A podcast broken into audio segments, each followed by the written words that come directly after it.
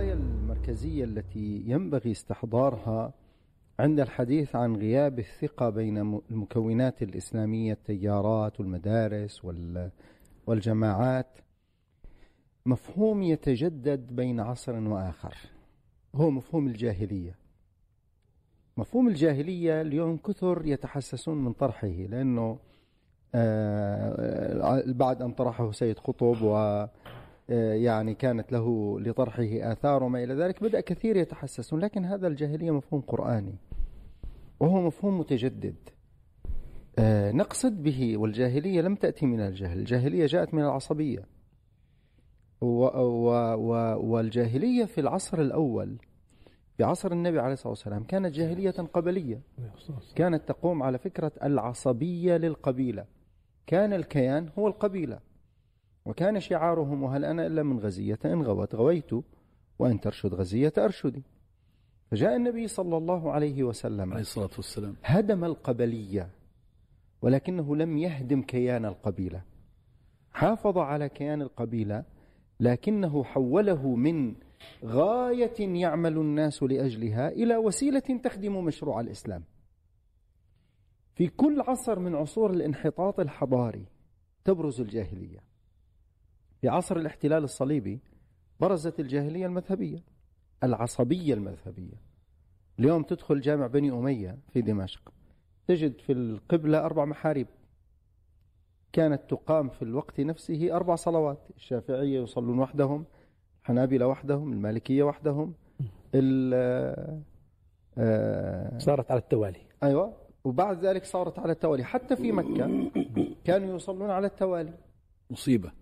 تماما. فمن أهم ما فعله صلاح الدين الأيوبي بالتعاون مع المقادسة الذين جاءوا القدامى الذين جاءوا من جماعين وسكنوا في دمشق وسمي حي الصالحية باسمهم نسبة إلى صلاحهم أنه عمل على تفكيك العصبية المذهبية. قضى على المذهبية لكنه حافظ على كيان المذاهب. لذلك أنا شخصيا أعتبر تأليف ابن قدامة المقدسي كتابه المغني له هدف فكري في درجة أساسية أكبر منه هدف فقهي أن يجمع المذاهب. من أجل أن يقدم في ذلك العصر هذه المذاهب في كتاب واحد كي يبين للناس ولطلبة العلم تحديدا أن هذه المذاهب الخلاف بينها ممكن وسائغ وخلاف أدلة ويقضي على هذه العصبية المذهبية. اليوم إحنا في عصر حقيقة عصر انحطاط حضاري نعيشه. عندنا صورة جديدة من صور الجاهلية وهي الجاهلية الحزبية. وهي ونقصد بها الحزبية ليس فقط الأحزاب وإنما الانتماء إلى أي كيان إلى أي مدرسة إلى أي مشرب. آه، ابن مالك بن نبي يقول إذا, إذا, إذا سقطت الفكرة بزغ الصنم. لما تسقط الفكرة التي ينتمي إليها هؤلاء الناس الذين ينتمون إلى هذه الكيانات تصبح هذه الكيانات أشبه بالأصنام. يطوفون حولها هناك تصنيم للكيانات. فيتعامل اليوم كثير من الناس مع الكيان الذي والجماعة والمشرب الذي ينتمون إليه على مبدأ وهل أنا إلا من غزية إن غوت؟ غويت وأن ترشد غزية أرشدي. أنا مع الصوفية بحقها وباطلها وأنا مع السلفية بحقها وباطلها أنا مع الإخوان بحقهم وباطلهم أنا مع حزب التحرير بحقهم وباطلهم بمنطق الانتماء للقبيلة بمنطق العصبية الجاهلية. نعم. هذا المنطق في العصبية الجاهلية حول هذه الكيانات إلى أصنام. بني على ذلك حقيقة آثار سلبية كبيرة جدا من أهمها على الإطلاق عدم قيام مشروع مشترك. الآن يبنى عليها انفصال وتنافر القلوب وما في النقد كله كله. أما الشيء الأخطر آه، ما في مشروع مشترك. اليوم مشروع شامل حتى على المستوى السياسي خلينا نقول مشروع سياسي شامل أو مشروع للأمة شامل. لا على المستوى السياسي مشروع شامل ولا على مستوى الأمة بالجوانب الأخرى آه، في في تكامل. السبب هذا المعنى. فأصبح كل شيء جزء من الذات وبالتالي الحكي عن الفكرة كأنها كف لما تنتقد فكرتي كأنك عم تضربني أنا شخصيا.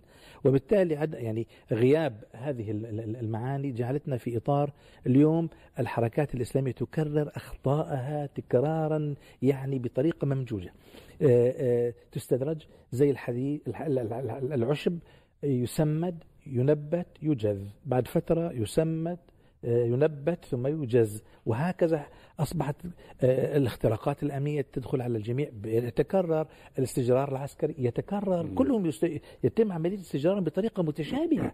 وحتى أوجه يعني يعني صار معروفا تماما لدى الدوائر الدولية أن هناك مفاتيح دقيقة لاختراق الجماعات. يعني بيصنعوا لك مثيرات ويدركون تماما أنك ستذهب إلى تلك الزاوية، تماما السنة الاجتماعية يتقنونها فيصنعون سنة شبيهة تحدد نوع ردة الفعل وترى أنك تتحرك والمجتمع يقرأ الحدث على أنه حدث طبيعي، لا هذه سنة مصطنعة في الواقع، يعني زي التلقيح الصناعي في سنن اجتماعية صناعية. من من من مشاهد المشاريع المشتركة على الأقل التي تشعر الإنسان وتحتاج أن نتوقف أمامها مليا وإن كانت تبدو وكأنها مشاريع فردية لكنها مهمة جدا في تعميمها. مشهد الإمام ابن القيم الجوزية ابن القيم. ابن القيم هو أحد أعلام المدرسة السلفية. لكن انظر من أشهر كتبه كتاب مدارج السالكين. مدارج السالكين هو شرح لأي كتاب؟ هروي. كتاب الهروي. الهروي اللي هو أحد أقطاب التصوف في زمانه. منازل السائرين.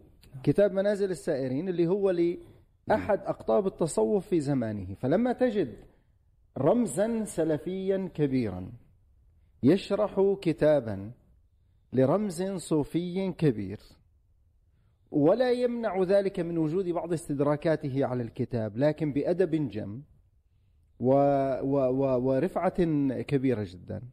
هذا كم سيكون له من أثر في التقريب بين أتباع وأبناء المدرستين؟ هذا مشهد. المشهد الثاني الذي يستوقفني كثيرا مشهد الإمام حسن البنا. حسن البنا عندما أراد أن يطلق الجريدة الناطقة باسم جماعة الإخوان المسلمين. من عينه ومن ممن طلب أن يكون رئيس التحرير؟ من شخص ليس في الجماعة بل من شخص مخالف تماما في التوجه الفكري اللي هو محب الدين الخطيب نعم صاحب المطبعة السلفية. وهو من أقطاب السلفية في مصر. صحيح. وذهب إليه وطلب منه أن يكون رئيس تحرير جماعة آه، جريدة الإخوان المسلمون الناطقة باسم جماعة الإخوان المسلمين. وفعلا بقي محب الدين الخطيب رئيسا لتحرير الجريدة لثلاث سنوات. هذا المشهد ليس مشهدا طبيعيا اليوم يعني لا تكاد تراه. في عموم الجماعات ومشهد ابن القيم مع الهروي لا تكاد تراه. الآن هذه المشاهد تحتاج إلى تعميم. الآن لو جينا نعمل مقارنة ما بين آه، تعامل الجماعات الإسلامية فيما بينها وتعامل الأحزاب والجماعات الموجودة في الدول الديمقراطية فيما بينها. يعني مثلا في أحزاب سياسية مثلا عندنا في بريطانيا في حزب العمال في حزب المحافظين في حزب الأحرار الديمقراطي في حزب الخضر في يعني أحزاب صغيرة أخرى. يمكن أن يختلفوا ويمكن أن يتحزب أعضاء كل حزب لبرنامج حزبهم ويدافع عنه وينافح. ولكن لا يدعي أي منهم أنه موكل من الله وأن لديه العصمة. لا يستطيع.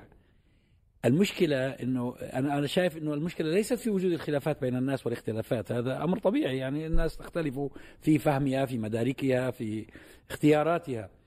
المشكلة إنه لما أنا ألبس ما أختاره وما أتوجه إليه بلباس ديني فأصبح أنا المقبول عند الله وغيري مرفوض.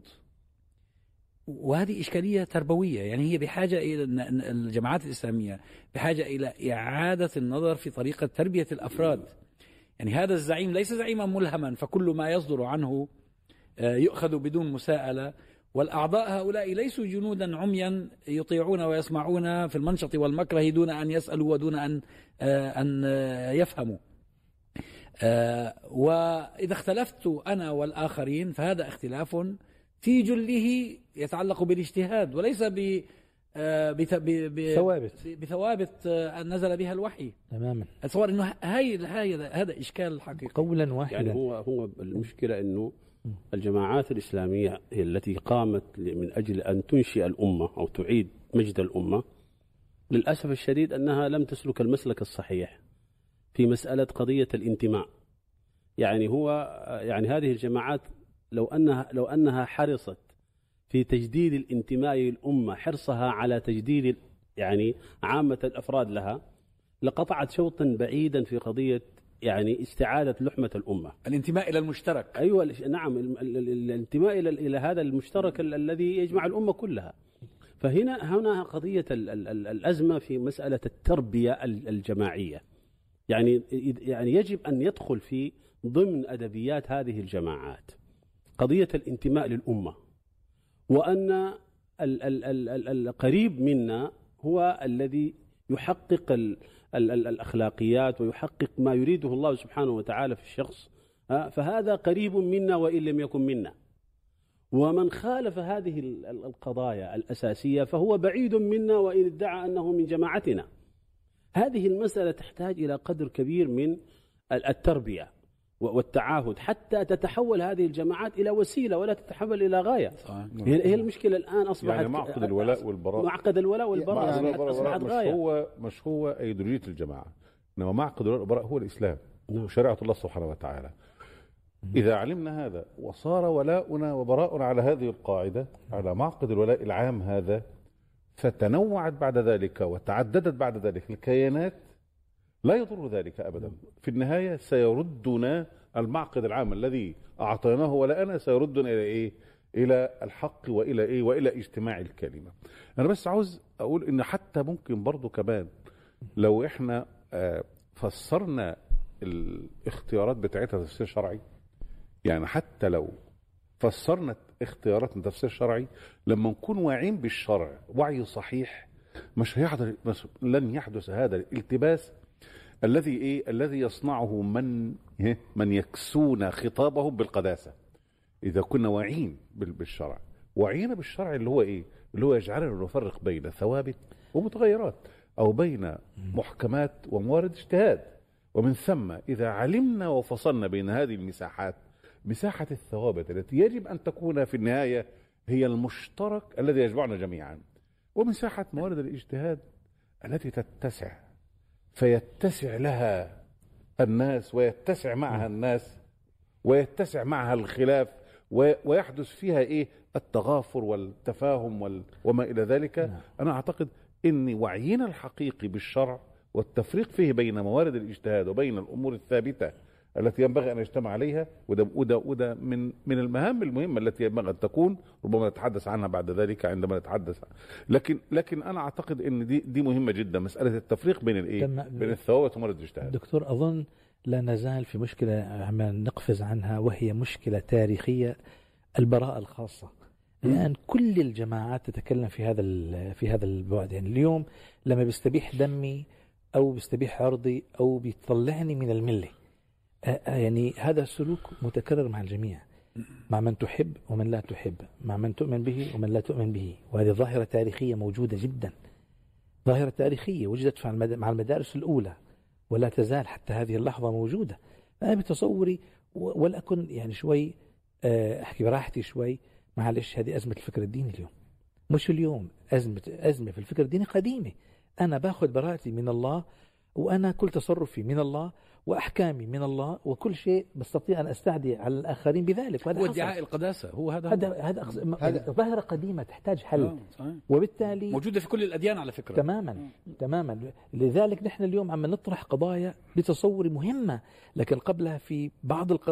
بعض الأسس التي ينبغي أن, أن, أن, أن تنصب. لما بنقول بدنا نحن ميثاق ميثاق اختلاف ميثاق عمل إسلامي أو شيء من قبل منه بده آه، تفرش بنية صحيحة تطرح في إصلاح فكري يحتاجه المجتمع. شوف على فكرة صحيح. بقى مع إن عن الله سبحانه وتعالى حذرنا في القرآن يعني هو عندما تكلم عن بني إسرائيل إحدى المطبات اللي وقعوا فيها ولم يخرجوا منها عندما قالوا نحن أبناء الله وأحباؤه نعم. وهم أضفوا على أنفسهم قدسية يب- تبرر لهم كل ما قاموا به من فحش. من هي هاي المتألي على القضية الله؟ ال- هاي القضية الخطيرة إنه إنه فكرة احتكار الانتماء إلى إلى الإسلام إنه إحنا جماعة المسلمين. إحنا جماعة الجماعة المسلمين الأم وغيرنا. الجماعة الأم. إحنا الجماعة وغيرنا ليسوا من من من من من الجماعة. غيرنا يعني هم خارج اطار ومعها احتكار الرموز والقيادات.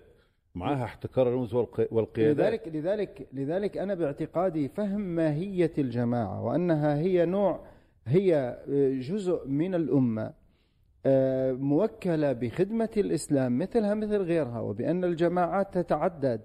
ترسيخ هذا المعنى في الأتباع مهم جدا. لذلك يعني أنا قبل قليل ذكرت موقف آه، ال- ال- الهروي وابن القيم وذكرت موقف البنا. بذكر موقف آخر للبنا آه، اللي هو أنا باعتقادي هذا موقف يذكر من باب أنه كيف أربي الأتباع. ال- ال- الحسن البنا لما ذهب وانتمى إلى جماعة شب... جمعية شبان المسلمين. نشأت جمعية شبان المسلمين في مصر. مباشرة أتى عدد من أبناء الجماعة أنه يا أستاذ هؤلاء منافسين لنا هؤلاء جماعة ثانية. قال لهم جملة قال لهم الإسلام بحاجة إلى أكثر من محامي للدفاع عنه. إحنا جماعة ندافع عن الإسلام هؤلاء يدافعون عن الإسلام. الآخرين متى يمكن أن يقتنع الصوفي أن السلفي يدافع عن الإسلام في ثغر ما؟ والسلفي يقتنع أن الصوفي يدافع عن الإسلام في ثغر ما؟ والإخواني يقتنع أن الصوفية والسلفية يدافعون عن الإسلام في ثغر ما. متى يمكن أن نرى من الإخوان من يأتوا بالسلفية ليشركوهم بأعمالهم بالسلفية والصوفية؟ ومن يذهبون من الصوفية إلى السلفية ليشركوهم في, في, في أعمالهم؟ هذا الإشراك هذا التداخل هذا التمازج هو الحل الأوحد. اليوم إحنا في عندنا سدود حقيقية حقيقة نحن إذا أردنا أن نتكلم بصراحة كثير من مشاهد المجاملات والبروتوكولات هذه مشا... في في المؤتمرات وإنه بيسلموا على بعض وبيحضنوا بعض هذا غير حقيقي.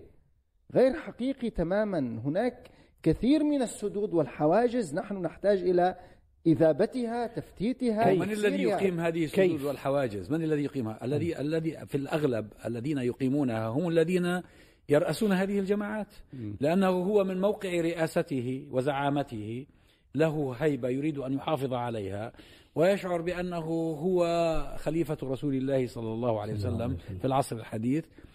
وهو الذي يوحي لأتباعه بشكل مباشر أو غير مباشر آه، بأن هؤلاء الآخرين آه، لي- ليسوا على ما نحن عليه.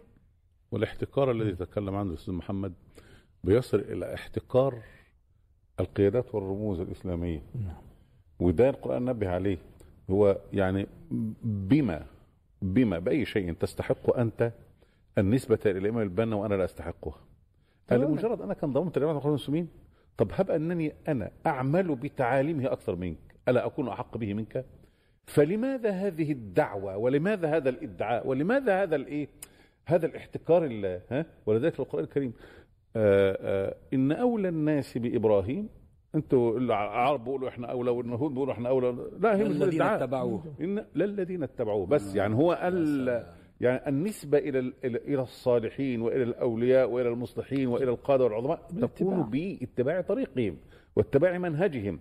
ففي حالة من فعلا كما تقول حالة من الاحتكار. عاوز يحتكر الإسلام ويحتكر الحقيقة ويحتكر الصواب ويحتكر معها الرموز وخبر حضرتك ومن ثم يبقى إيه؟ يبقى ما غي غيرنا الآخر اللي هو أخويا صار الآخر هذا لا يملك شيئا. أيضا من الأسباب. عار من كل شيء. أحد, لا لا أحد الأصدقاء قام بتجربة. قال دخلت إلى صف طلاب علوم شرعية. قال فجبت مجموعة من المقولات. مقولات قالها القرضاوي والغزالي. وقلت لهم هذه المقولات نسبتها للشيخ ابن باز وابن عثيمين. قلت مقولة القرضاوي كتبت تحتها ابن باز ومقولة ابن عثيمين وتحتها آه، آه، مقولة القرضاوي تحتها ابن باز ومقولة الغزالي تحتها ابن عثيمين. كتبت مقولة ابن عثيمين وتحتها القرضاوي ومقولة ابن باز وتحتها الغزالي. قال فقلت لهم ما رأيكم بالمقولتين؟ قال فقاموا الشباب السلفيين يفندون تفنيدا كاملا. مقولات الشيخ ابن باز والشيخ ابن عثيمين التي نسبتها إلى القرضاوي والغزالي. وقام الآخرون يفندون ال- المقولات الأخرى. مغارز دي مجالب قال فصدمتهم عندما قلت لهم لا بس هذه المقولة لفلان وفلان وهذه المقولة لفلان وفلان مشكلة هاي العصبية هاي. هذه العصبية على فكرة الشيخ المشايخ سلمان العودة له جملة تعجبني بينهم كثيرا ب... كان بينهم شيء عظيم الشيخ القرضاوي والشيخ ابن باز كان بينهم آه. آه. مواد أنا عظيمة لما عملت مراجعات مع الشيخ- القرضاوي لكم أشاد بالشيخ نعم. بن باز والله الشيخ سلمان العودة يقول مرة ناقشت أحد الشباب فقلت له عبارة آه نلتقي فيما اتفقنا عليه ويعذر بعضنا بعضا فيما اختلفنا فيه. قال فبدأ يهاجم العبارة وأن هذه العبارة قالها من قواعد حسن البنا وهؤلاء الإخوان وكذا وكذا وبدأ يفند العبارة. قال فلما سكت قلت له لكن هذه العبارة ليست لحسن البنا. هذه العبارة لأستاذه هذه العبارة في الأصل لرشيد رضا. وهو أخذها من رشيد رضا. قال فنظر قليلا قال والله كنت أقول في نفسي أن العبارة يعني صحيحة. وقيم. كان هذا هذا هذا اليوم المنطق القائم. حالة من العصبية الجاهلية. نعم سيدي يعني هو أنا أيضا هذا يذكرني ب كان هناك يعني هجوم على سيد قطب رحمه الله تعالى. آه، وصل لدرجة آه، يعني تكفيره يعني والتحذير من كتبه. فأحد هؤلاء الذين آه، أخرجوا هذا الكتاب في سيد قطب يعني آه، ال- ال- قام ال- ال- العبارات سيد قطب نفسها التي هو حملها ما لا تحتمل وذهب بها الشيخ الألباني رحمه الله تعالى وأخذ يقرأ عليه نفس المواضع التي هو يعني أخرج ذاك فيه في الكتاب. فيقرأ العبارة فالشيخ يقول له هذه عبارة مستقيمة وهذا يعني يدل على فهم هذا الكاتب. عرفت؟ ويمدح العبارة ويقول طيب ما رأيك في الذي يقول إن هذه العبارة تعني كذا وكذا؟ يقول هذا إنسان جاهل. وبدأ هكذا يفند هذه المسألة شيئا فشيئا ثم قال في نهاية هذا كلام سيد قطب رحمه الله تعالى الشيخ الألباني. فالشاهد أنه أحيانا كما ذكر الشيخ أنه عدم التجرد في والموضوعية في تناول ال- ال- العبارات والمواقف وعدم العدل. وإذا قلتم فاعدلوا حتى لو كانت هنالك ثمة أخطاء لكن هذه الأخطاء يجب أن يعني يتنزل في ميزان معين. أنا أريد أن أضيف إلى قضية أسباب عدم الثقة والفرقة بين هذه الجماعات أنه قضية التنافس غير الشريف. التنافس غير الشريف. يعني نحن أمرنا بأن نتنافس. صحيح. آه يعني وفي ذلك فليتنافس المتنافسون. لكن النبي عليه الصلاة والسلام حذر من نوع من التنافس. أن أخشى ما تخشى يعني أن تفتح عليكم الدنيا فتنافسوها كما تنافسوها فتهلككم كما أهلكتهم. فهنالك نوع من التنافس يعني ليس المقصود منه هو آه، أن أن أن أن أبلغ دين الله وأن أكون أسرع من غيري إلى يعني إلى تحقيق هذه هذه المصلحة. وإنما المقصود من ذلك الأثرة فتتحول مسألة قضية ال- ال- التنافس إلى أثرة آه، ونحن أمرنا بالإيثار في أمور الدنيا أصلا. يعني أمرنا في أمور الدنيا يعني ويؤثرون على أنفسهم ولو كان بهم خصاصة. هذه المسألة ال- ال- ال- الأثرة هذه أو التنافس غير الشريف هذا أدى في النهاية إلى حتى التشظي بين هذه الجماعات. ولذلك أكبر مشكلة أنه إذا إذا لم تأخذ الجماعات بالأخلاقيات التي ذكرت وبالجوانب ال- ال- ال- الوعي الذي يعني مر ذكره هي نفسها معرضة للخطر. ولذلك نحن وجدنا جماعات كبيرة تتشظى تنقسم.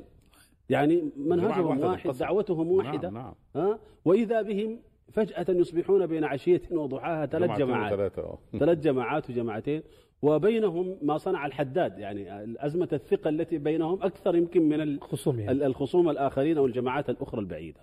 فلذلك يعني هي المسألة نح- نحن نحتاج إلى تحليل موضوعي لأسباب الأزمة في هذه الجماعات الإشكاليات الموجودة ثم القدوة الحسنة. القدوة الحسنة تأتي من القيادات.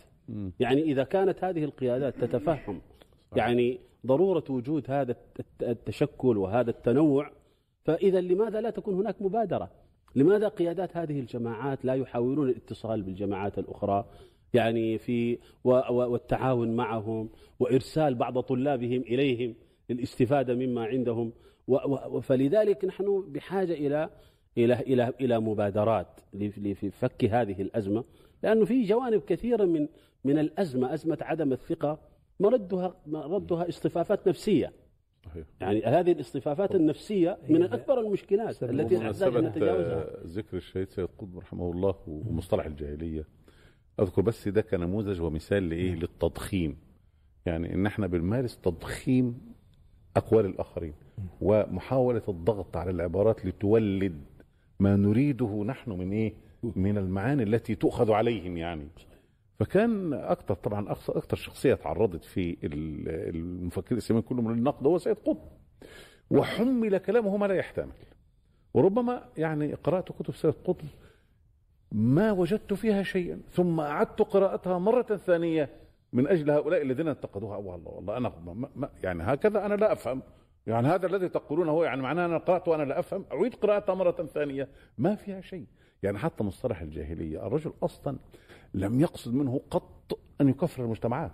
إنما هو مصطلح الجاهلية ك يعني هو صحيح المعنى اللغوي اللي ذكره الأستاذ صحيح إن هي العصبية وما إلى ذلك لكن هي لا معنى اصطلاحي.